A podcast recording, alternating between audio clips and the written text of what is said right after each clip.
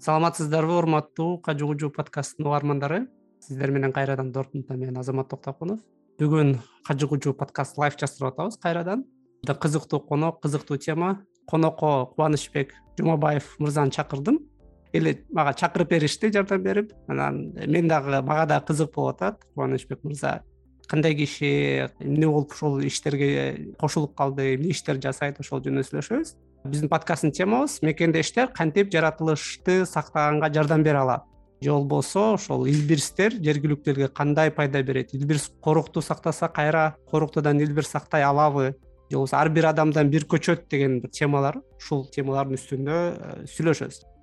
Кош келиңиздер анда эмесе сөздү кубан мырзага берейин. Кубан мырза өзүңүздү бир аз тааныштырып анан баштай берсеңиз болот саламатсыздарбы менин атым кубанычбек жумабай уулу мен өзүм ушул илбирсти коргоо уюмунда иштейм. Ушул илбирсти коргоо сактоо жаатында эки миң үчүнчү жылдан бери иштейм. Өзүм билимим боюнча экология жаатында окугам. Улуттук университетти бүткөм андан кийин аспирантурада окугам. Ушул биология жагында биздин улуттук билимдер академиясынын биология институтунда окугам. Андан кийин норвегиядан эки жыл магистратурада окугам. Ошол эле биология жагында экология жагында илбирстерге байланышкан темада мастерлик ишимди жактагам. Анан ошондон бери эле ушул илбирстерге жанагы жапайы жаратылышты коргоого байланышкан иш чараларга катышып жүрөм. Жана ушул кыргызстанда илбирсти коргоо боюнча фонд түзүлгөн ошол фондду жетектеп келем. Андан тышкары эл аралык илбирсти коргоо боюнча траст деген уюм бар. Ошол уюмдун кыргызстандагы улуттук координатору болуп иштеп келем ошол кыскача тааныштырсам ошол биз ошол илбирсти коргоо боюнча көптөгөн иштерди алып барабыз. Жаңылбасам бир сегиз түрлүү программабыз бар ушул убакта. Дагы көптөгөн чоңдогон пландарыбыз бар. Мындан иштеп иштерди кылып келатабыз рахмат. Чындап эле профессионал эксперт менен биринчи жолу жолугуп атабыз. Ырас көптөгөн суроолорду берип алат экенбиз илбирс жаныбары бизде жоголуп баратат. Же болбосо ошо илбирс дүйнөдө негизи жоголуп баратат. Деп дагы леонардо ди каприа айтып ошол дагы фокус кылып же биякта жаныбар жоголуп баратат депчи. Эмне үчүн илбирс жоголуп баратат? Эмне үчүн бул тема азыр абдан керек бизге. Эмне деген тема бул биздикилер айтат эй каякта бир жаныбар өлүп баратат өзүбүздүкү нанга акча жетпей атса каяктан баарын койгулачы мышык тычканды эметпей депчи. Бирок андай эмес да негизиненчи бул чоң көйгөй да. Эмне үчүн ушул келип калды ушул көйгөй? Эми бул илбирс өзү баягы кыргыздар ыйык катары көргөн жаныбарлардын бирөөсү. Ак илбирс деп баягы ак деп аты менен айтылган анан кыргыздарда деле мындай табиятында жанагы мифтеринде же жомокторунда же башкача ыйык катары көргөн нерселердин арасында болгон да ак деген жаныбар ак ыйык болгон. Андан тышкары мышыкты өлтүргөндө чоң бир күнөө деп табышкан мышыкты өлтүргөн бир шаардын элине кол салган барабар деген ушундай сөздөр айтылчу да илгери. Анан мисалы кээ бир жаныбарларга адамдар өзүлөрү эле баягы табиятынан жаман көрүшүп мисалы чөбүн алсак мындай жаман көргөн нерсе калып калган да бирок илбирсти алсаңар илбирске мындай жаман нерсе айтылган эмес да ыйык жаныбар катары көрүшкөн сакташ керек деген. Анан эми баягы жөн эле баягы кооз жаныбар экен коргош керек дегенден тышкары дагы бул мисалы биз өзүбүздүн дем алып аткан таза аба ичип аткан таза суу биздин баягы суктанып аткан жаратылыш тоолордун баары бул жапайы жаратылыш да. Бул ошол кычкылтекти берген жапайы жаратылыш таза сууну берген топтоп берген мөңгүлөр аны фильтрлеп берген токойлор ошонун баары жапайы жаратылыш да. Биз өзүбүз эч нерсе чыгара элекпиз да мисалы ошонун баасын билбейбиз. Мисалы жөнөкөй эле таза сууну биз тоодон фильтрлеп чогултуп күндө аны колубуз менен фильтрден өткөрүп анан идишке куюп анан шаарга алып келип турсак ал канчалаган убактыбызды акчабызды сарптамакпыз да. Бизге ошонун тоолору өзү чогултуп таштын арасынан тарпылдатып кычкылтегин аралаштырып фильтрлеп өткөрүп келип туруп анан бизге үйүбүзгө трубалар менен келип таза алып коет атпайбы. Биз ошол баягы экосистеманын кызматын билбей калып атабыз да ошол экосистема дегенде бул бири бирине ченешкен байланышкан баягы элементтер десек болот да. Ошонун эң башында турган бул илбирс да. Себеби бул деген жырткыч жаныбарлар чоң жырткыч жаныбарлар бул экосистеманын башында э, эң чокусунда турган жаныбарлар болуп эсептелет. Пирамида деп коебуз го ошонун башында. Мисалы жөнөкөй эле мисал берсем бул экосистема баары бири бири менен байланышкан. Бир нерсе жоголсо анын сөзсүз бир э, ортодо бир э, жоголгонун кесепети бир жагынан тиет да. Биз аны билгенче көп өтүп кетиши мүмкүн бирок ошонун өзүнүн кесепети бар да. Анан биз адамдар азыр өзүбүз баягы мал багып же бир бөлөкчө бир баягы өзүбүздүн чарбачылык жумушубузду кылып атып эле анан ошого кол салган карышкырды аябай зыянкеч деп таап же коробузга бир э, мөмө тигип коюп анан ошону жеген канаттууларды бул эң жаман канаттуу экен күндө менин мөмөмдү жеп атат деп аны зыянкеч деп атап атпайбызбы а бирок ал өзүнүн орду болгон да ага чейин дагы. Ал өзү кызматын аткарган экосистема десек мисалы кадимки эле саатты алсак механический баягы саат бар го. Ичинде канчалаган бурамалар тетиктер бар. Ошонун баары бири бирин э, тегеретип түртүп келип анан убагында так сааттын жүрүшүн көргөзөт да бизгечи. Биздин азыркы ушул убактагы бир күндөгү жыйырма төрт саатыбызды так көргөзүп берет. Анан ошон үчүн бир детальды алып койсок саат токтоп калат же болбосо саат туура эмес жүрүп калат туурабы. Катуу жүрүп калат же акырын жүрүп калат. Экосистема деле ошону өңдүү да ичинен бир элементти биз алып салсак ал такыр бузулушу мүмкүн. Болбосо туура эмес жүрүп калат да. Ошондой эле нерсе анан ошонун башында турган илбирстер бул сөзсүз баягы экосистеманын бир бөлүгү катары корголуш керек. Анан эми мен баягы биологиялык өзгөчөлүгүнүн ролун айтпаган деле кээ бир өлкөлөрдү алсаңар мисалы э мисалы индияны алалы булар жолборс менен кандай мактанып сыймыктанышат эң кооз көргөзүп алчу жаныбардын бирөөсү же пилди алалы мисалы же башка дагы бир өлкөгө барсаңар ал өлкөнүн дагы өзүнүн бир жаныбары бар да. Баягы көргөзүп сыймыктанышкан. Анан кыргыздарга келип кайсы жаныбар силерде эң мындай кооз же сыймыктанчу жаныбарыңар десе менин оюмча илбирсти айтсак керек биринчи мезгилде. Себеби илбирс ушундай кооз сырдуу бийик таза тоонун башында жашайт баягы мындай адамга дос катары сезилет себеби илбирс адамды көргөндө чуркап аябай катуу качпайт. Үйдөгү мышык сыяктуу эле акырын басып кетет экен анан сырлуу жаныбар э мисалы жөнөкөй эле мындай балдарга тарбия бере берсек деле ошол илбирсти колдонуп айтып ушундай жаныбар бар ушундай ыйык жаныбар ак түстө кооз темгилдүү ушундай катуу чуркайт бийик секирет деп мындай айтып берсең деле жакшы нерсе да. Биз ошону жоготуп албашыбыз керек. Себеби мындай нерсе болгон биз жоготуп алсак анын ордуна кайра калыбына келтириш көпкө турат да. Мисалы көп эле кишилер мисал кылып американын жанагы же европанын токойлорунда тоолорунда карш кырдын жоголгонун айтып жүрүшөт мисалы елоустонда карш кырдын жоголгону эле баягы цепочка менен чынжыр менен барып ошол жактагы токойлордун өзгөрүшүнө алып келген экен жердин астындагы суулардын жоголуп кетишине алып келген экен. Мындай көргөзүп атпайбы мисалы ошо карышкыр келип жанагы бугуларды суунун жээгинен өйдө сүргөндө баягы бугулар жейт анан бугулар жашырынып кичине токойдун арасына жүрүп калганда алар суунун жээгиндеги бактарды көп жебей калыптыр да. Бактар чоңоюп өскөндөн кийин ал жерге жанагы бобр деп коет го ошол бобр келип ал сууларды баягы бутактарды кесип сууларды бөгөп суунун да деңгээлин көтөргөн плотиналарды куруп анан суунун деңгээли көтөргөндөн ал жак саздагыраак болгон дагы мисалы жөнөкөй эле алсак жалпы экосистема өзгөргөн да. Суунун плотиналарынын көбөйүшү бул жердин астындагы суулардын көбөйүшүнө алып келет дагы бирок суунун может балким фильтрациясы жакшы болот. Ушундай баягы жалпы экосистеманын өзгөрүшүн жалгыз эле карышкыр ошол камсыздай алган да анан булар баягы карышкырды баягы фермерлердин баары зыянды көрүп европада америкада аткылап жок кылып жиберишкен дагы чөйрө кескин өзгөрүп кеткен. Анан ошол карышкырды кайра алып келип ордуна көндүрүп кайра көбөйтүштүн өзү буларга көптөгөн кылымдарды алган. Жана көптөгөн акчаларды алган. Анан биз ошол турган илбирсти мисалы баалабай жоготуп алсак бул бизге көп чоң жоготуу болот да. Жакшы мисалдар менен түшүндүрүп бердиңиз. Ырас мен да жакшы түшүнүп калдым кыргыздар байыркы эл биздин жаратылыш кандай сонун ошол жайыттарга биз мал багып өзүбүздүн баягы традициялар менен жашап келгенбиз да. Ошол илбирстерди ыйык деп ошол жаныбарларды ыйык деп угуп биз негизи жаныбарларды аябай ыйык деп эсептейбиз го. Чындап эле сиз жакшы айттыңыз э, бул биринчи очередь бизден түздөн түз байланыш. Эгерде биз ошол аймакта жашасак анан пирамиданын үстүндө бир жаныбарды кырып салсак анда ал э, цепочка менен башка жаныбарларды кырылып кырылып ошол жерде чөп өспөй калат суу акпай калат анан негизи жашоого э, болбой пустыня болуп калышы мүмкүн да жаратылыштык жоготуп а биздин жаратылыш чындап эле абдан кооз европадан көптөгөн мамлекеттерге барсаң андай жаратылышты таппайсың да. Көлгө барыш үчүн жака өйдө жака бир үч төрт күн айдайсың там э, тоого барыш үчүн ылдый жака айдайсың ушинтип атып алыста бизде болсо баары бир жерде. Анан ошол ыйык деп дагы жакшы айтып кеттиңиз. Чындап эле ошол нерсе бар экен бизде. Анан эмне үчүн эми илбирс жоголуп атат? Эмне үчүн аны сакташ керек? Адамдар менен аткалап атабы же өзүлөрү кетип атабы. Бизге негизи повезло чындап эле ушундай жаныбарлар бар экенинчи бирок эмне үчүн алар азайып баратат кыргызстанда илбирстер жашаган аймактарда жер жерлерде бул мындай болду да.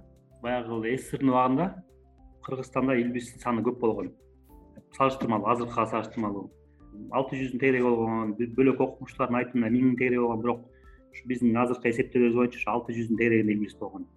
Азыр ушул күндөрү болсо эки жүз элүүнүн тегерегинде деп атабыз да. Үч жүзгө ашып кетсе жетет деп анан мунун э, азайганынын себеби эң биринчи эмне болгон сссрдин убагында кыргызстан э, ушул дүйнөлүк зоопарктарга илбирсти тирүү кармап берген номер биринчи өлкө болгон. Ушул бизде эки илбирсти кармаган бир ушундай адамдар болгон экен барсалов деп коебуз ошол эки киши өздөрү эле жазгандары боюнча эки жүздөн ашык илбирс кармап берген зоопарктарга. Азыр дүйнөлүк жанагы зоопарктар бар да илбирси бар. Дүйнөлүк зоопарктардагы илбирстин популяциясынын токсон пайызы деп калышат кээде ошол э, кыргызстандан кармалган илбирстердин тукуму да. Ошол тирүү кармаганга сссрдин убагында акчалай баягы төлөп беришчү. Ал бир себеби болгон. Экинчи себеби бирок ошондо деле илбирс өтө азайган эмес сссрдин убагында. Себеби мыйзамдар күчтүүрөөк эле да бирок илбирсти кармаганга уруксат берип акча төлөп беришчү тирүү кармаганга. Эң азайтып алган учурубуз ошо ссср тарагандан кийинки убакыт болду да. Себеби ссср жоюлгандан кийин баягы тоодогу адамдардын баары ишсиз калды мурунку баягы экономикалык баягы система бузулду. Тоодогу адамдар өзүнө өзү багыш керек болду. Ошол кезде эмнени сатып эмнени кармасак болот дегенде ушу тегерегинде жүргөн илбирстер болду да. Анан илбирстин терисин сата башташты чет өлкөгө аябай кескин түрдө он жылдын тегерегинде эле ушул санын өтө эле төмөн деңгээлге алып келип коюшту да кармап атып. Анын баары өлтүрүлгөн да. Себеби капканга түшүп буту сынган өлгөн. Ошол кезде аябай азайтып алганбыз андан кийин э, илбирстер бирок кайрадан көбөйүп баштаган акырынан баягы экономика оңолгондон кийинчи тоодогу чабандардын көбү көчкөн карай мал азайган кайра мал көбөйө баштабадыбы бизде. Элдер малдарын айдап жайыттардын баарына көчө башташты жыл бою жайытка үй салып алып ошол жака жашай башташты. Анан баягы экинчи азайганынын себеби илбирстин жемин кыра баштады адамдар. Алар кийиксиз жашай албайт да жапайы кийиксиз анан элдер жапайы кийиктерди көбүрөөк ата баштады мыйзамсыз аңчылык көбөйүп кетти. Анан баягы э, анын кийиги азайгандан кийин жеми азайгандан кийин өзү азаят ал бир коркунучу болду андан тышкары жайыттар тарый баштады. Ошонун кесепетинен кийиктер дагы азая баштады кайра. Жана биздин баккан малдарыбыз жапайы кийиктерге ооруларын тарата баштады. Анын себебинен дагы кийиктер азайып ошонун негизинде илбирстер азая баштады анан бул илбирске болгон коркунучтар улам алмашып турат да. Мисалы бир өлкө менен бир өлкөдөгү коркунучтар окшош эмес да. Мисалы кээ бир өлкөлөрдө илбирстин сөөгүн сатып этин саткандар да болот да мисалы дарычылык үчүн деп. А бизде андай коркунуч жок бирок э, биздеги коркунучтар бөлөк коркунучтар да. Анан мисалы азыр жөнөкөй эле коркунучтарды мындай санап баштасак жайыттардын тарышы малдын оорусунун кийиктерге таралышы мыйзамсыз аңчылык анан эми азыр ушул убакта бизде тоо кен өндүрүшү аябай өнүгүп болгон тоонун баарына лицензия берилип казып атышат жайыттарын тартып чөйрөсүн. Ошол тоонун баарына жолдор салып атат. Геологдор ал жолдор менен мыйзамсыз аңчылар тетиги алыскы тоолорго чейин жетип атышат. Мурун баягы кышында жолдордун баары жабылып көчкү басып ашуунун баары жабык турса азыр кышында чет өлкөдөн келген мыйзамдуу аңчылыктар да трофей үчүн. Ошолор үчүн жолдор ачылат. Анан алардын базалары салынган баягы үйлөрү бар шарттары бар ошол жердин баарына барышат мыйзамсыз аңчылар анан баягы коркунучтар өзгөрүп жаңы коркунучтар пайда болуп ошолордун таасирлеринин артында илбирс азайып атат мына азыркы учурдагы коркунучтун бирөөсү мисалы климаттын өзгөрүшү ал дагы барып барып ошол илбирстин өзүнө түз таасирин тийгизбесе дагы ошол жашап аткан тоодогу элдерге таасирин тийгизсе алар ошол климаттын өзгөргөнүнөн баягы экономикалык булактарын жоготсо кайрадан эле барып илбирске аңчылык кыла баштайт да. Себеби алар үй бүлөсүн багышы керек көбүрөөк акч тапкысы келет ушундай учурлар рахмат коркунучтарды түшүндүк. Чындап эле айтат го адам өзү негизи жырткыч депчи илбирсти жырткыч деп коебуз деп өзүбүз эле баарын талкалап бузуп өлтүрүп жалгыз эле жашагыбыз келет. Бирок э, баарын кыргандан кийин анын артынан биз да кырылабыз. Ошол эле пандемия коронавирусу көрсөткөндөй кытайлар көбөйүп көбөйүп атып айлана чөйрөсүн бузуп атып аягында ар кандай жаныбарларды жеп атып жаңы вирусту алып чыкты. Ошентип биз дагы чөйрөнү бузбабыз деп атып аягы чөйрө бизди бузуп жоготот. Же болбосо биз чөйрө менен кошо бузулуп жоголобуз да. Бирок ошол жоголбош үчүн э, сиздей болгон адамдар э, бир нерсе болсо дагы өзгөртөлү деген бир иштерди жасап атышат да. Анан андай адамдар негизи көп эле или бар. Ошо азыраак көбүрөөк болсо ошолор деле биригип бир жакшы иштерди жасасак айтып берсек көрсөтүп берсек эй өлтүрбөгүлө же мындай бирдеке кылып берсек деп атышат да анан ошол конкретно эмне иштер болуп атат сиздер жакта? Кандай долбоорлор болуп атат? Кантип сактап атасыңар? Кантип чечип атасыңар ушул көйгөйлөрдү биз жана айтпадымбы бизде ушул сегиз тогуз программабыз бар депчи. Ошонун баягы башында башталган бир программабыздын бирөөсү он сегиз жыл болуптур ал программабызга. Ушул жана тоонун башындагы айылдар бар бийик тоодо кичинекей айылдар мурунку эсир убагындагы геология үчүн салынган айылдар ошол эсир тарагандан кийин ошол жака элдер көчүп барып жашап мал багып калыпташканда анан ошол айылдарда мисалы бийик болгон үчүн аларда жумуш орундары жок да. Булар болгону мал багышат көбүнчө. Себеби картошка айдайын десе бийик он эки айдын сегиз айында суук болот жайдын ортосунда кар жаагайт ушундай жерлер. Анан алар болгону мал багат жана мал көбөйгөн сайын ал адамдар менен жырткычтардын ортосунда конфликт болот да. Себеби алар өйдөлөп жайытка чыккан сайын илбирстин чөйрөсүнө жакын барат анан илбирске малды алып жеш оңоюраак да. Жапайы кийикти кууп алыс баргандан көрө ал биздин мал мындай айтканда жапайы баягы инстинкттерин жоготкон оңой алып жеп коет да. Анан малдын чабанын жедире баштаса күндө ал ачуусу келет да бир күнү капкан салып туруп ошол илбирс жок кылып коет же атып коет. Анан биз аларга илбирсти өлтүрбөгүлө илбирс ыйык деп эле айтып койгондон ал көп нерсе өзгөртпөйт да. Ошон үчүн аларга ошол проблемаларды чечип беришибиз керек. Аны кантип чечебиз мисалы илбирс кол салган бийик тоолуу айылдагы ошол айыл эмес тоодогу чабандар көчкөн жерлерге барып өзүбүз аныктап туруп он кашар салып бердик да. Ар бир кашардын үстү жанагы тор менен жабылган. Сарайдын ичине илбирс үстүнөн аттап кире албайт. Ошол он сарайыбыз орточо айтсак үч миңге чукул койду коргой алат да. Ар бир сарай үч жүздөн койду батырса. Бул он беш он беш метрден болгон сарай үстү жабык бекем анан ал чабанга салып берип туруп айттык. Сен ушул илбирске жыл сайын он коюңду жоготуп жүргөн болсоң азыр он коюңду сактап каласың. Ушу сарай жакшы болгон үчүн. Анан сен эми илбирске болгон көз карашыңды өзгөрт. Талаада кайтарып жүргөнүңдө илбирс кокусунан койго кол салса сен ошол илбирсти атпагын анан биз чабандарга ошол сарай салып бердик. Ал сарайын бекитип коюп коркпой кошунаныктына конокко кете алат түнкүсүнө салып. Мурункудай күндө түн ичинде чыгып мылтык атып коркутуп кыйкырбайт. Ал киши иттердин санын азайтса болот бир э, жакшы нерсе. Ал мурун ондогон иттерди багып алып сарайдын тегерегинин баарына байлап баягы коргосун деп анан ал иттин баарына тамак бере албайт. Ал иттери кайра барып эле жапайы жаратылыштан тамакты алып жечү да суурларды жечү коёндорду жечү иттин саны азаят. Анан ал кишинин жырткычтарга болгон көз карашы кичине өзгөрөт баягы. Онду жегизбеген киши уже нервный болуп жатт мындай айтканда. Жакшы уктайт түнкүсүн. Анан ал кишиге биз өзүбүз кайра брошюра чыгарып бердик. Ошол брошюранын ичинде мисалы календарь менен эки жылдык. Анан бул жерде ошол чабанга болгон керектүү маалымат турат да. Мисалы талаадан илбирс келип кол салса сен кандай кылыш эмне кылышың керек? Бул жерде жазып турат кол салгандан кийинки беш күн бөлөк жака жайыткы отур беш километр алыстап кет тиги илбирс сени унутат кайра ал жерге келбей кал сен ал жерге жайып барсаң эртеси күнү кайра кол салышың. Эгер сарайыңа келсе кандай кылып коргонушуң керек? Мисалы жыттанган солярканы илип кой чүпүрөктү малып жолуна жыттанса сасып коркот экен. Шалдыраган темирлерди ил эртеси күнү алмаштыр үчүнчү күнү эки итти чогуу байлап кой бир иттен байлаба жалгыз деп.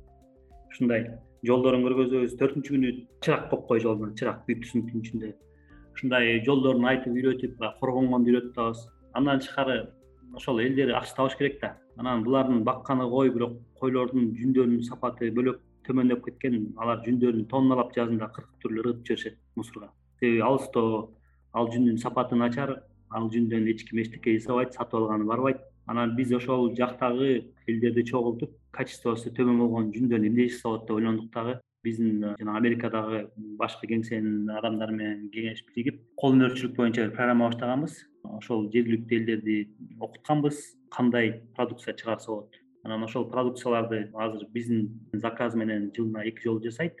Оюнчуктар кичинекей тоголок оюнчуктар түрлүү шырдактар бар биз өзүбүз алдын ала заказ беребиз да ошол чыккан продукцияны америкага жөнөтөбүз. Анан алар америкадан биздин уюм аны зоопарктардан магазиндер аркылуу онлайн сатат. Ал оюнчуктун бетинде мындай кичинекей жазуу бар да кыргыз аялдын сүрөтү менен. Тоодогу аялдын жүн менен тиги жиби ийип аткан сүрөтү ушундай. Анан жазылып турат ушул продукцияны сатып алсаңыз сиз тоодогу илбирстерди сактаганга беребиз деп анан ал жерде жанагы продукцияны чыгарат биз сатып беребиз акчасын кайра алып келип айылга беребиз бирок бул жөн эле бизнес программа эмес. Биз эл менен э, келишим түзөбүз ошол айылдын эли менен жалпы. Келишимде жазылып турат.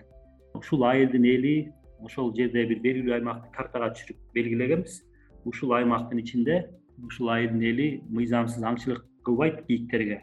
Илбирстерге капкан салбайт. Сырттан келген мыйзамсыз аңчыларга үйүнө жаткызбайт аларга ат бербейт. Аларга жер көрсөтүп тоого алып чыкпайт деген шарттар бар да. Эгер ушул шарттар аткарылса биздин уюм жанагы саткан акысынан сырткары ошол айылга премиальный акча беребиз. Муну грант деп коебуз. Бул кайтарымсыз жөн эле белек болгон акча. Ал акчанын көлөмү ошол чыгарган продукциянын отуз пайызына туура келет. Быйыл мына ушул эки миң жыйырма экинчи жылы ошол эки кичинекей айыл дагы алтымыш үй бүлө бир миллион сомго заказ алды ошол оюнчуктарды.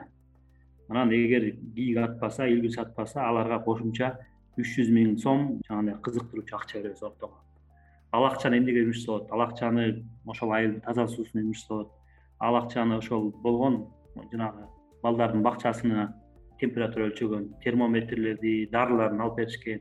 Ал акчаны айылдын эли кеңешип өзүлөрү эмнеге колдонуш чогуу чечишет кааласа илбирстен корккон сарай салса болот. Кааласа айылдын ичин жарык кылышса болот өзүлөрү чечет да. Социалдык өнүгүүгө жумшайт мына ушул программа башталгандан бери эки миң үчтөн беркини айтпай эле коеюн. Бирок эки миң он үчүнчү жылдан беркини алдык биз. Он үчүнчү жылдан бери алганда биз ушул эки айылдын продукциясы өндүргөн продукциясы сегиз миллион сомго жетиптир андан тышкары ортого берген акчабыз бар. Ошол ортого берген акчабыз азыр ак шыйрак айылында бир миллион сомго жетиптир баягы сактап өзүлөрү өстүрүп колдонуп аткан акчасы. Бул бир программабыз. Андан тышкары эми келечек балдардын жаштардын колунда да анан эгер азыр көрүп атасыздар эми азыр балдардын баары эле биздеги илгерки убактагыдай чоң аталар менен ат минип тоого чыкпайт көбүнчө азыр өзгөрүп кетти заман. Булардын баары эле үйүндө интернетте отурат телефон кармап алып эле же компьютерди кармап алып эле бир оюндарды ойноп эле анан көзү кызарып эле үйдө отурат да. Анан биз ошолор жаратылыш жөнүндө эчтеке билбей калды да. Билбей калды билбесе барктабайт баалабайт. Анан биз ошолорду кызыктырыш үчүн билим берүү программабыз бар да билим берүү программабыз кандай? Биз азыр пандемиянын убагында баягы бара албай аткан убакта ушул жанагы эле whatsapp аркылуу жыйырма бийик тоолуу айыл тандап алып туруп окуучуларынан группа түзгөнбүз жыйырма группа түзгөнбүз анан ошол жетинчи класстын балдары төрт жүз жетимиш беш бала катышып атат ошол балдарга биз он күндө бирден конкурс кылабыз. Жанагы эле whatsapp аркылуу эле. Мисалы эле ошол айылда жашаган бир жөнөкөй эле алсам мисалы торгойдун үнү э торгой канаттуу эртең менен биринчи угасын таң атканда. Ошонун үнү тоодо жашаган улардын үнү бөдөнөнүн үнү жана дагы бир канаттын үнү төрт канаттын ошол жерде жашаган үнүн жиберебиз аудио менен. Анан э, андан тышкары төрт канаттын уясынын сүрөтүн жиберебиз мисалы. Анан айтабыз ким ушун могул уялардын ээси кайсы канаттуу экенин тапса так. Же жана үндөрдүн ээси ким экенин туура таап жазса бизден белек дейбиз. Анан баягы балдар ата энесинен сурайт өзүлөрү чыгат кандай экенин көрөт үйрөнөт. Көбүрөөк көңүл бурат да анан он күндө бирден конкурс кылабыз. Анан ошо утткан кишиге ошол эле замат телефондон мисалы бирлик жүктөйбүз эки жүз сом биринчи орунга экинчи орунга жүз жыйырма беш үчүнчү орунга жетимиш беш сом мисалы. Он күндө бирден конкурс балдар кызыгып бизди күтөт эмне жөнүндө суроо берет деп. Эми ал жөнөкөй эле суроолор.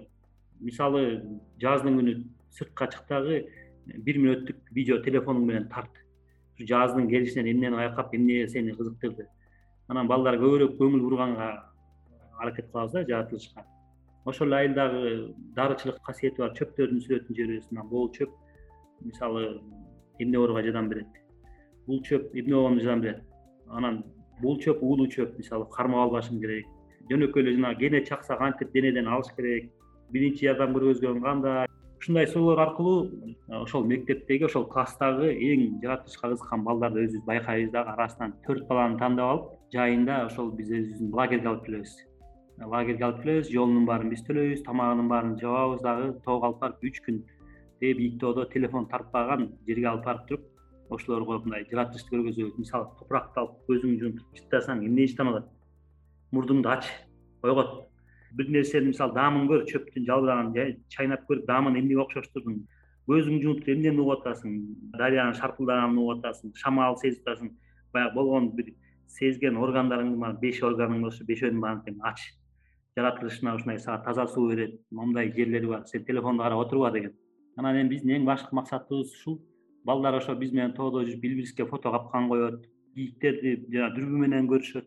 Мойнуна дүрбү илип туруп колуна фотоаппарат берип коебуз анан айтабыз эртеден кечке гүлдөрдү тартып жүргүн.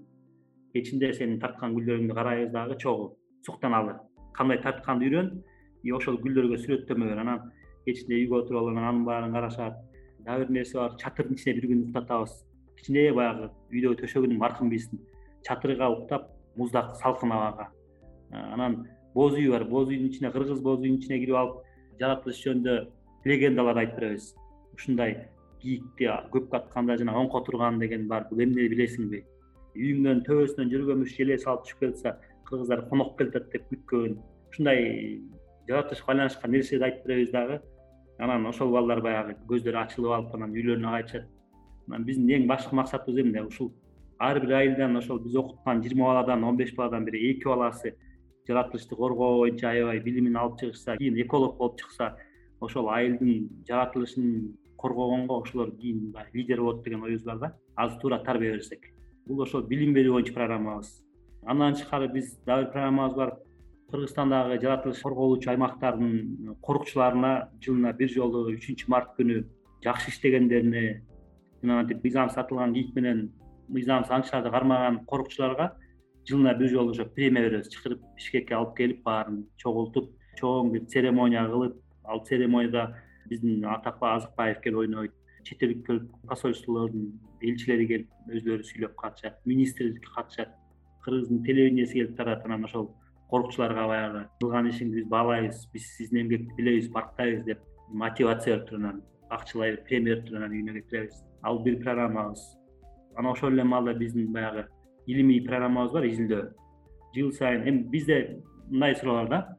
Эмне иш кыласың дегенде биз илбирсти коргогонду эмне иштейбиз эң биринчиси кыргызстанда канча илбирс бар деген суроо келет. Э, экинчи суроосу илбирс адамга кол салабы деген суроо келет ушундай да. Анан ошол илбирс бул так санын аныкташ үчүн ошол атайын технологияларды колдонуп жана фото капкандарды коюп кыргызстандын аймагында илбирстерди санап атабыз. Жана ошол эле илимий суроолорго жооп алыш үчүн мисалы бир корук ичинде эки миң он үчүнчү жылдан бери тынбай фото капкан коюп келебиз ошол жердеги илбирстердин саны өсүп атабы эмне болуп атабы канча ургач илбирс тууду канча баласы ошо энесинин жанында калды канчасы тышка кетти ошону аныктап жылда кыркка чукул фото капкан коебуз бул жылда кайталанган нерсе да ошол жердеги илбирстердин паспортторун түзгөнбүз. Ар биринин темгилдерин аныктап мисалы ургач илбирстер болсо он үчүнчү жылдан бери канча баласын тууду ошонун баарын билебиз биз анан ал бул дүйнөлүк баягы илимге кошкон салымыбыз да биздин жазган ошол илимий изилдөөлөрүбүздүн артында дүйнөлүк жанагындай бааланган э, илимий журналдарга чыккан статьяларыбыз бар. Ал бир программабыз ошонун артында биз өкмөттүк уюмдарга рекомендация берип алабыз илбирсти коргош үчүн. Ушундай иш кылышыбыз керек мындай иш кылыш керек аянты мынча жер болуш керек дегендей. Бул бир программабыз андан тышкары бир жакында баштап атабыз бир программа. Мисалы кыргызстан аймагында аңчылык чарбалар өтө көп. Четтен келген мергенчилер келип акча төлөп мамлекетке анан жанагы илбирстин жеми болгон аркар кулжаларды эчкитекилерди атышат мыйзамдуу атышат. Бирок ошого элдин болгон көз карашы аябай терс кабыл алып атат. Себеби баягы четтен келип атып атасыңар дегенчи анан биз мамлекетке азыр ошол бир сунуш кылып атабыз. Ошол аңчылыкка колдонуп жүргөн жерлерди ошондон эле алган пайданы экотуризмден алгандын жолун көргөзүп атабыз. Мисалы азыр дүйнөдө мындай нерселер бар да мисалы угандада жанагы жапайы горилланы көрүш үчүн тоо горилласын көрүш үчүн адамдар келип бир саатка бир жарым миң доллар төлөп барышат. Бир саатына. Ошол парк угандадагы парк бир жылда алты жүз миллион доллар табат ошол горилланын туризминен бизде болсо аткылап атып жанагынтип болгон жаныбардын баарын мыйзамдуу лицензия берип атып атып бир жылда жаңылбасам он эки миллион долларга чейин атыш керек. А биз ушуну айтып атабыз биздин илбирстер горилладан кем эмес депчи баягы кызыктуу жаныбар депчи. Себеби илбирстин өзүн көрүш өтө кыйын ошол көргөнгө кыйын болгон жаныбар туризмде чоң бааланат да баасы көргөн үчүн эле анан биз айтып ошол кийикти атканда келген адамдар ошол эле чөйрөгө атпай эле келип бөлөк адамдар илбирсти көрүп сүрөткө тартып эле ошончо акча бере алат деп атабыз. Биз азыр ошол бир территорияга программа баштап атабыз. Ошол территориядан ошону бир эки жылдын ичинде көргөзсөк өкмөт баягы өзүнүн көз карашын өзгөртүп экотуризмди өнүктүрөт деп атабыз да. Бул бир программабыз андан тышкары дагы азыр жакында баштап аткан программаларыбыз бар. Биз ар бир адам үйдө отуруп баягы ойлонуп турушубуз керек. Мисалы бишкекте жашагандар абасы эң кир шаарлардын бирөөнө кирбедиби акыркы эки жылдан бери биринчи орунда болуп атат э анан биз баарыбыз тең ойлонуп көрсөк шаарда жатып алып өзүбүз ошону азайтканга салым кошуп кошпой элебизби мисалы машинабызды токтотуп койгон жокпуз баарыбыз велосипедке өткөн жокпуз. Жер үйдө жашаган адамдар көмүр жакпай калган жок жагып атат. Демек биз абаны булганга салым кылып атабыз да. Анан абаны тазартканга эмне жолу бар? Мисалы жөнөкөй эле бак тигүү биз баарыбыз билебиз бак тиксек жардам беребиз. Бирок эч кимибиз барып бак тикпей да. Анан ошону биз ойлонуп анан биз айттык. Сиз эгер бак тиге албасаңыз биз сиз үчүн тигип берели. Сиз бизге каражат бериңиз. Биз ошол каражаттын туура колдонулганын баарын сизге көргөзүп беребиз анан биз токой чарба менен договорлошкундай болдук. Ал токой чарба өзү көчөт сатпаса алардын кайра ошо барып көчөт тиккенге акчасы болбойт экен. Өстүргөнгө тиккенге айлыгына акчасы болбойт экен. Анан биз айттык силердин көчөтүңөрдү биз сатып алалы макул анан силер бизге бир аз жардам бергиле жер бөлүп бергиле биз барып ошол жерге силерден сатып алган көчөттү кайра тигебиз. Анан бул эми бир карагай тиксең ошол карагай жүз жыйырма жыл эки жүз жыл арча тиксең миң жылга чейин өсөт дейт. Ошол өзүңдөн кийин калтырган бир өскөн бак турса менден кийин өстүргөн кырк бак калды десе же отуз бак калды десе ошол деле жакшы бир сезим да. Артыңан калтырган бир иис анан биз айтып атабыз кыргыздар илгери болгон экен баласы төрөлгөндө кырк терек тиккен экен мисалы. Кийин балам ушуну пайдаланып колдонсун жаратылышка зыянын тийгизбей ушуну колдонсун. Ушул ошол кишиге үй салганга материал болуп берет дегендей. Анан азыр биз ошол өткөн жылы акция кылып туруп бир аз эле кыска убакыттын ичинде эле чет өлкөдөгү адамдар жардам кыргызстандын адамдары отуз төрт миң сомго барып көчөт сатып алып туруп тиктик. Ошону тоого алып барып тиктик. Анан ошол жерге ошол тиккен адамдын атын жазып дат баспаган нержавейкадан адамдардын атын чегип туруп анан ошол жерге бекитип койдук. Мына ушул ушул адамдар ушунча көчөт тигишти. Ушул көчөттөр мамлекет тарабынан эч качан кыйылбайт деп аны баягы тактай кылабыз деп өкмөт токой чарба кыйбайт. Ал өзүнүн жолу менен өсүп жүз жыл эки жүз жыл өсөт ошол эле бактар таза аба берет ал бактын берген абасы жанагы кирдеген абаны тазартканга жардам берет. Ошондой бир акция баштадык. Эгер өзүң тиге албасаң тиккен адамдарга жардам бер. Сенин салымың ошол болот. Сенин атыңды жазып ошол жерге коебуз сенин неберең кийин ошол жерге келип ошол атамдын тиккен бак экен деп келип көрүп ыраазы болуп кетет деп атабыз да. Анан биз эми жөн эле баягы илгеркиче барып эле жөн эле тигип койбой биз аны дагы бир ойлондук дагы кандай кылып ушуну бир кооз кылсак болот деп ойлонуп анан биз мындай ушундай эмеге келдик. Мисалы бир э, тегерек формада кольцонун формасында тиктик. Анан кийинки жылкы тиккенибиз андан чоңураак тегерек кольцо болот. Андан кийинкиси чоң болот анан мындай үстүнөн асмандан карасаң бул мындай кооз форма берет да. Мисалы бир тегереги карагай болсо экинчи тегереги арча болсо үчүнчүсү кайың болсо бул асмандан өзү бир кооздук жараткан нерсе болот да. Анан биз айтып атабыз ушунун эң ортосуна келип отуруп кааласа йогасын кылсын тоонун башында да кааласа келип ушул жерге боз үй тигип балдарды окутсак болот эң ортосуна отургузуп алып. Ушул жерге келип алып кааласа ак боз аттарды минип келип алып үйлөнүп ушул жерден аялына шакегин салсын мисалы эми бул туристический бир объект болуп калсын деп атабыз ал жерчи жөн эле бак эле тигип койбостон ага экинчи бир баалуулук берип атабыз. Анан ушул мына кыска убакытта эле элдердин баягы көз карашын көргөздү да бак тиккенге кызыгат мисалы адамдар. Биз аны таза көргөзүп сатып алган акчабызды которгон акчабызды квитанциясын баарын көргөзүп бердик онлайн анан быйыл күзүндө дагы ошондон чоңураак каражат топтодук. Бирок эрте карып чыкпай тиге албай калып быйыл жазда тигебиз деп атабыз каалаган адамдар болсо ошол биздин фонд аркылуу карагай тиксе болот арча тиксе болот сосна деп коет ошону тиксе болот. Өзүлөрү тандайт кайсы көчөттү тиккенди. Биз барып тигип ошол көчөттүн номерин көргөзүп табличкасын көргөзүп илип коебуз. Бул эми жөнөкөй эле бир программа да адамдардын ишке ашыга алган. Анан жанагы эле билим берүү программабызда ошол эле балдар барып ошол жерге барып канаттуулардын уяларын илишет ошол эле жерге барып ар бир бала бирден канаттуулун уясын жаса билет анан биз эми азыр мугалимдерге whatsapp аркылуу эле жыйырма мугалим менен баягы экспериментальный сыяктуу бир пландарды коюп материалдар бөлүшүп атабыз баягы көнгөн эле өкмөт тарабынан түзүлгөн программадан сырткары келгиле ушул илбирсчөндү окуталы биринчи класстын алипбе китебинде и деген тамгага биз илбирсти коелу а деген тамгага апаны коелу болбосо аркар деген жаныбарды коелу ал эмне экенин окусун адабияттын бетинде мисалы индиянын мауглиси жөнүндө жазылбай кыргызстандын кожо жаш жөнүндө жазылсын. Ушу биздин жаратылыш жөнүндө деп ошол баягы түрлүү класстарга түрлүү бир багыттагы материалдар бөлүшүп атабыз да. Бул эми бак тиккенибиз бир кичинекей эле программабыз бирок ал дагы жардам берет андан тышкары мисалы жакында баштап атабыз бал челекти өнүктүрүү боюнча. Мисалы адамдар тоого барып бак тиккиси келбесе ар бир айыл бирден ушу айылдын ичинде бал челекчини өнүктүрсө болот да ал бал челекчини кандай өнүктүрсө болот? Мисалы арынын пайдасын баарыбыз билебиз э ары болбосо өсүмдүктөр чаңдашпайт. Өсүмдүктөр чаңдашпаса бизге жеген алма өрүк болбойт витамин болбойт. Өсүмдүктөр чаңдашпайт түшүм азаят.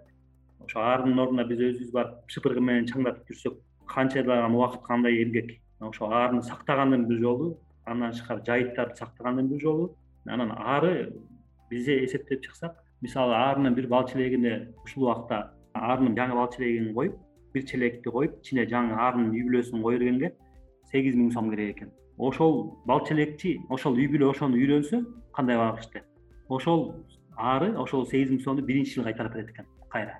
Анан көрбөйсүзбү мисалы бизде азыр кыргызстанда бал өндүрүүнүн потенциалын колдоно элекпиз. Кыргызстандын балы дүйнөдө биринчи орунда турат деп айтып атышпайбы. Бул эң качествосу чоң бал. Тоонун гүлдөрүнөн чогулган бал биринчи орун. А бирок биз ошол бал өндүрүүнүн болгон үч төрт пайыз потенциалы менен колдонуп атырбыз да эсептешсе.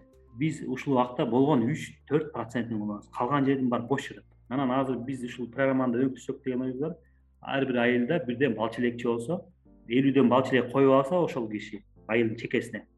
Ошол айылдын алмасы өрүгүнүн баары чаңдашат ошол айылдын талааларынын баары чаңдашат ошол айылда таза бал болот ошол айылда эки үч үй бүлө акча каражаты менен камсыз болот.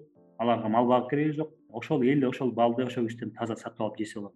Бул мындай жаратылышка зыян тийгизбеген жакшы бир программада элдер ушуга көңүл буруп салым кошулат да өзүлөрү мисалы биз эгер ушул программаны баштап улантып кетсек ар бир айылдан бир кызыккан бал челекчини окутсак ошол бал челекчиге жергиликтүү эл акча чыгарып бал челек алып берсе эгер жарымын өзү алабы балким анан ошол айылдын өнүгүүсүнүн жолу бир жолу болот да биз жанагы азыр ушул убакта бир эки айылга бал челек алып үч айылга бал челек алып берген планыбыз болуп баштап атабыз. Жүз элүү бал челекти анан ошол айылдар менен келишим түздүк бал челектерди биз алып беребиз уюмдан.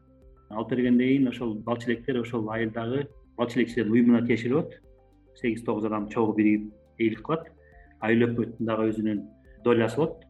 Анан э, ошол бал саткандан түшкөн пайданын жыйырма пайызын жылда ошол айылдын экологиялык көйгөйүн чечүүгө жумшаш керек. Келишим боюнча отуз пайызын өзүлөрүнүн өнүгүүсүнө жумшайт. Жанагындай керектүү материалдарын сатып алат калган элүү пайызын өзүлөрү айлык катары алып колдоно берет ушундай келишим түздүк. Азыр үч айылга жүз элүү бал челек алып беребиз. Анан ошол иш башталса буюрса өзүнүн эффектин көргөзсө биз дагы улантып көбүрөөк айылдарды ушу менен камсыздыкалы деген планыбыз бар да. Бул баягы биз элдерге барып эле айыл өкмөткө барып эле силердин айылдын малы көбөйүп кетти малыңарды азайтпа деп эле айта берсең азайтпайт да. Себеби алар малдан жанбай калат а бирок анын ордуна биз бал челек берсек булар аны көрсө акырындап акырындап альтернативдүү жолдорун көргөзүп атабыз да. Жөнөкөй эле нерсе ошол эле бал челекти бал алып аткан убакта биз келишим түздүк. Ошол айылдын балдарын мектептин балдарын кызыккан балдарды атайын кийим кийгизип алып барып көргөзүп турушат окутуп. Мына балды момунтип аласың. Ушул бир грамм балды чогултуш үчүн ушул ары ушунча жерге басат учат. Ушундай ушундай деп балдардын жаратылышка кызыгуусун арттырат андан тышкары ар бир ошол бал челекчилердин уюмуна мүчө болгон адам экиден адамды окутуп чыгарат дедик. Экиден окуучуну окутуп көргөзүп үйрөтүп чыгарат. Ошол кошулуп аткан уюмга келип үйрөнөм деп кошулган ар бир окуучу өзү акчасына эки бал челек ала келиш керек жанына. Ошол эки бал челекти коюп ошондон үйрөнүп ал эки бал челегин үйүнө алып барып коюп бул эми иш орунда. Үйрөнүп өнүктүрүп кетсе болот да. Бул ошол дагы бир кылып аткан программаларыбыздын бирөөсү.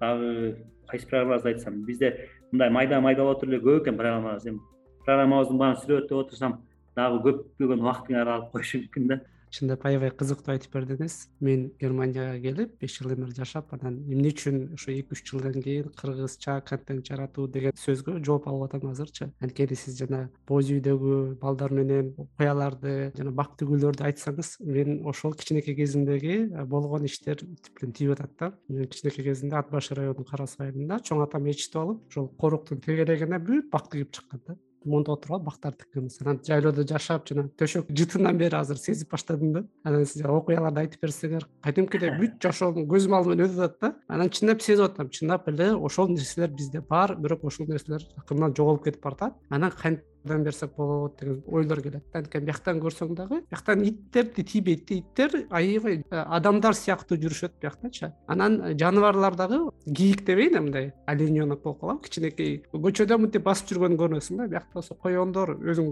зоопаркта жүргөндөй эле болосуң да. Анан жана сиз карышкыр күйгөн чындырып айтып кеттиңиз. Карышкырлар бияка жокулуп салып анан кабандар көбөйүп кетип анан аларга охота жасагыла деп өздөрүнүн көйгөйлөрү бар. Бирок биякта дагы жаратылышты аябай сакташат. И мисалы былтыр жогорку кеңеш деген жерин бундестаг өткөндө ошол жашыл партия утуп кетти. Биринчи эмес бирок экинчи үчүнчү болуп утуп кетти. Анан бул жакта мен жашаган жерде дагы чоң сел жүргөн аябай чоң сел жүрүп бияктагылар аябай коркушат да ошол жаратылыштын өзгөрүүсүнчү ошон үчүн жардам берели деп эле турушат да. Анткени билет эгерде кыргызстанда илбирс жоголуп кетсе ошол айланып келип кайра бияка тиет да анткени баары бири бирине взаимосвязан анан биз ошол ойлонуп кантип жардам берсек болот алыста туруп деп. Өзүм дагы айтишник болгондуктан биринчи ошол айти жагынан баштадык. Пандемия болуп калганда да баары уже көнүп калды да онлайн депчи. Айти жактан азыр келечек деген долбоор болгон ал жакта көптөгөн кишилерди айтиге үйрөттүк азыр болсо эми чырак деген долбоор жасап аялдарды бир он миңге жакын киши регистрация болду. Көбүнчөсү кыргызстандан алар айти үйрөнүп атышат да. Анан эми жөн эле айти үйрөнбөстөн ошол технологияларды колдонуп кантип биз жардам берсек болот. Көйгөйлөрдү чечүү үчүн ошол эле экология көйгөйлөрүн деп ойлонуп атабыз ар кандай иштерди жасап ошол жакта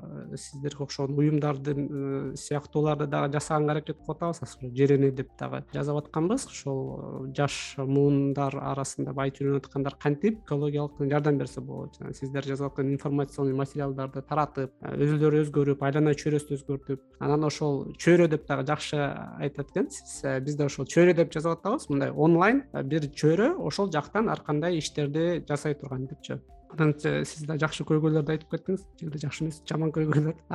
Ошол тоодо жашаган чабандар кантип мисалы илбирс малын жеп кетсе силер сарай салып атсаңар бизде альтернативдүү бир ким ойлор келип кетип атат да мендечи. Мисалы э, германияда страховка деген нерсе аябай өнүккөн да. Мисалы машинеңди сүзүп алсаң сенин ордуңа машинеңди жасап берет анткени баары баягы акча чогулткан да сенин машинең бузулуп калса деген сыяктуу жумушуң жок болуп калса жасап берет анан ойлоп атам да эгерде сен илбирс коюңду жеп кетсе анда ошол страховкадан сага коюңдун ордуна жаңы кой или ошонун акчасы берет коркпо депчи. Ошондой иштерди жасаса болот экен деп ойлоп атам. Андан тышкары сиз азыр көптөгөн кызыктуу долбоорлорду айтып бердиңиз ошого биздин мекендештер биякта мисалы көп акча чогултуп жиберишет да. Баткен событиясы болгондо акча чогултуп жиберишет пандемия болгондо жиберишет. Анан алар айтат биз дагы кантип жардам берсек болот дейт да. Анан ошол долбоорлорду ыраса айтып кеттиңиз алардын шилтемелерин топтоп топтоп ылдый коюп анан ошол эле чөйрөгө сизди чакырып ошол чөйрөгө сиздин долбоорлорду да кошуп мына эгерде силер бак тигем десеңер өзүңөр америкада жашап жүрсөңөр акчасын жөнөтүп коела силердин ордуңа бак тигип коет. Анан силер кыргызстанга барып ошо көрөсүңөр бул силердин багыңар балаңарга айтып бересиңер депчи. Же болбосо балдарыңарды ушинтип жиберсеңер болот деп негизи аябай чет өлкөлүк кыргыздар коркушат да биз эми чет өлкөгө кетип калып кыргыз болбой калабызбы? депчи. Бирок бизде да мындай өзгөрүп баратат. Кыргызстандан кетсең сен кыргыз эмес болбойт деген тема жок да. Сен баары бир эле кыргызсың кыргызстандыксың да. Ошондуктан биякта мисалы кыргыз тилин үйрөтүү кыргызча аралашып кыргыз кошуна деп баягы биякта азыр нооруз башталат. Ноорузга да барып кыргыздын оюндарын ойноп ошентип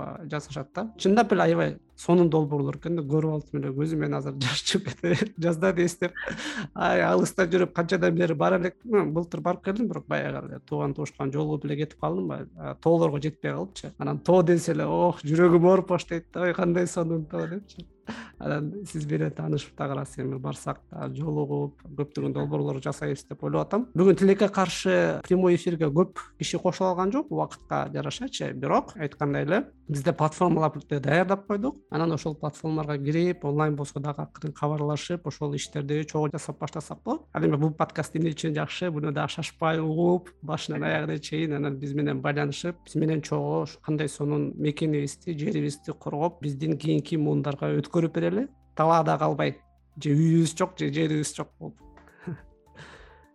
анан ушундай позитивдүү нотада э, аяктайт элем. Сааттай сүйлөштүк. Чындап эле сиз айта берсеңиз долбоорлоруңуз көп окшойт. Анан дагы шашпай дагы жолугушууларды жасап балким конкреттүү кандай жардам берсе болот или биз кандай жардам берсек болот деп кылсак болот ошол келгениңиз үчүн чоң рахмат. Анан сиз жазып аткан иштериңиз үчүн да чоң рахмат. Сизерге рахмат. Чакырып ушул жака катышканыңызга рахмат. Ушу менен биздин подкастты аяктайт. Оорубаңыздар айлана чөйрөнү сактаңыздар илбирсти сактаңыздар. Сак саламатта калыңыздар